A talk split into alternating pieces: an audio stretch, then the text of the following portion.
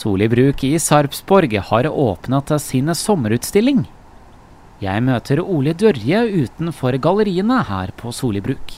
Jeg spør han hvordan trafikken er her midt på sommeren. Nei, Den er eh, veldig bra, den.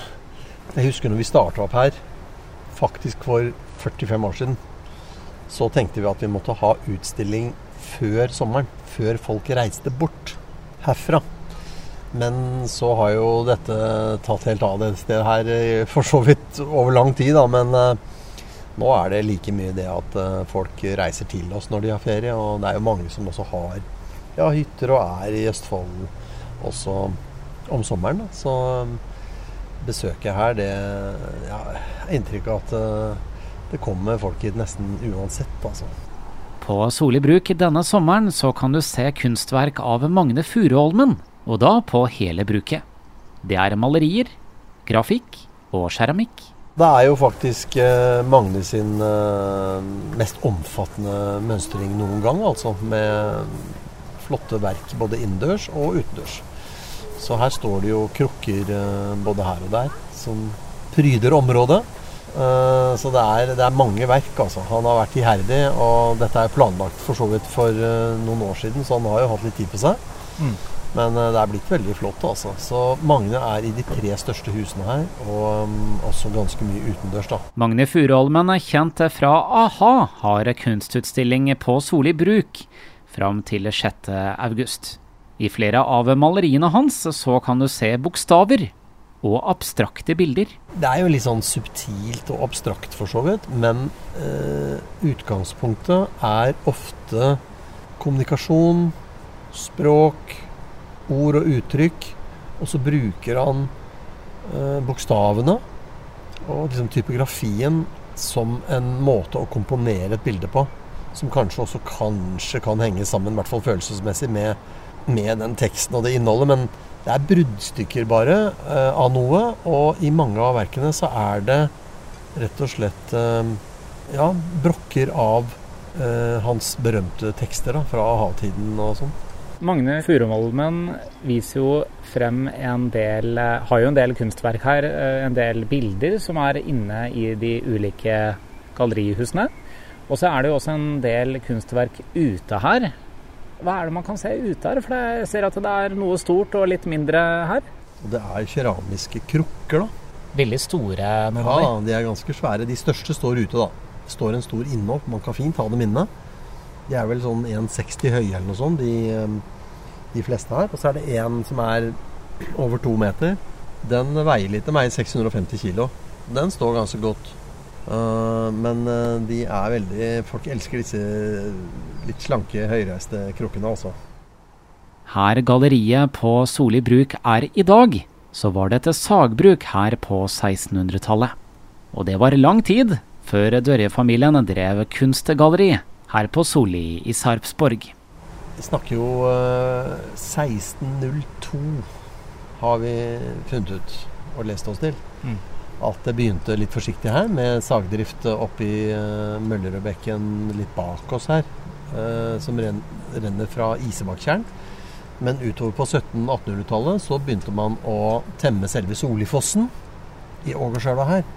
Eh, nå blåser det litt, men når det er litt mer vindstille, så hører vi elva veldig godt på sommeren. Det er ganske heftig.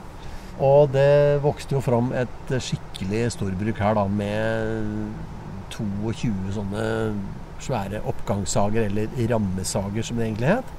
Og med flere hundre arbeidere så ble det altså Nord-Europas største sagbruk, faktisk. Så det er historisk grunn, da. Må jo si det. Og så tok jo eh, familien din over dette her på 1900-tallet.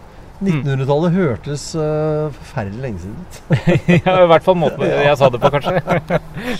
Det er jo, begynner å bli lenge siden, da, for vi kom over dette egentlig ganske tilfeldig. Det sto en artikkel i Sarpsborg Arbeiderblad. Eh, I 1975 så sto det en sak om at nå må noe gjøres med restene etter Sande og Soli bruk før alt går i glemmeboka. Vi dro ut for å se på det her, og det var nesten umulig å skjønne at dette bare 50 år tidligere kunne være det som var igjen da, av eh, det som var så svært. For her var det veldig gjengrodd og få hus igjen og ganske ganske dårlig forfatning. Men uh, vi starta i det små her med keramikkverksted til mor. Mor var jo allerede etablert keramiker, da. Så vi fikk til det i det ene huset, og vi fikk uh, kjøpt to av husene uh, og byksla grunnen under dem. Men så startet vi da Så viste det seg at det var lokaler oppe i annen etasje i, i, den kontorbygningen, den røde der, som var egna til mer bare enn å ha keramikkutsalg og sånn. Så da ble det kunstutstilling.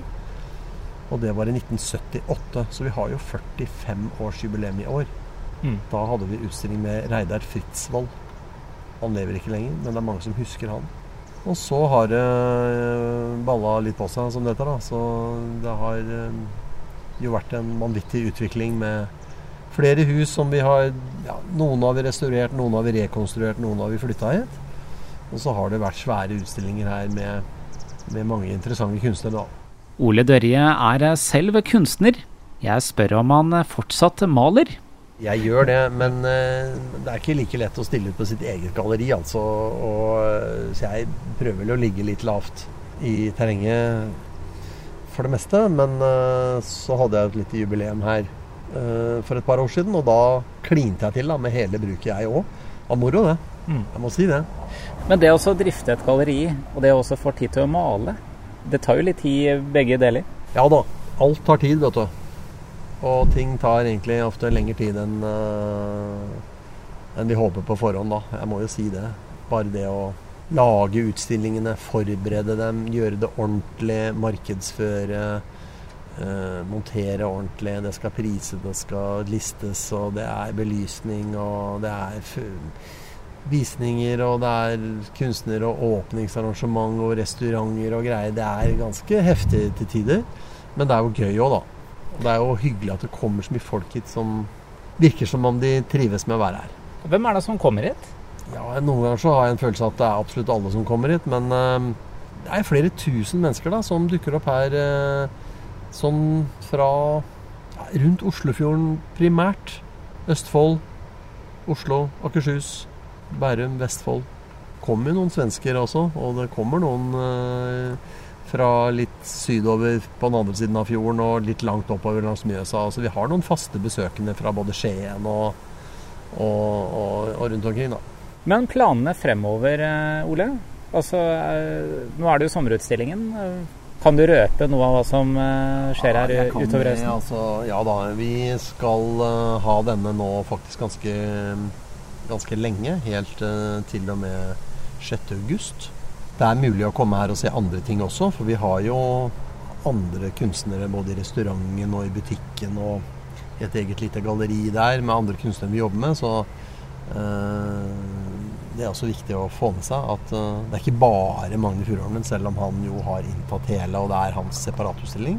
Men den varer helt til 6.8. Og så uh, kommer til å bli gjort om til litt mer sånn kollektivutstilling. Og to-tre uker senere er det 26. august, kanskje. Da åpner vi med eh, guttestreker på hele bruket her. Og hva er det? Guttestreker er eh, to karer fra Oslo som uh, har jobbet sammen i en fem-seks uh, år. Ja, det er kanskje litt mer nå. Uh, ganske unge karer som tegner veldig detaljerte og innholdsrike tegninger. Det er helt vanvittig. Og lager eh, grafikk av det som er herlig fargelagt. Og um, de har tatt uh, Norge og markedet med storm. Så de hadde faktisk en av sine første utstillinger her i 2020. Og det var under pandemien. Da var det en av de første utstillingene de klarte å gjennomføre. Og det, har, det var veldig, veldig veldig moro. Så vi, jeg tror vi, de påstår i hvert fall at vi var med å pushe dem litt i gang òg. Og de eh, Bare det går sin seiersgang, altså. Så det har tatt av, det med guttestreker. Så det ble også veldig morsom utstilling.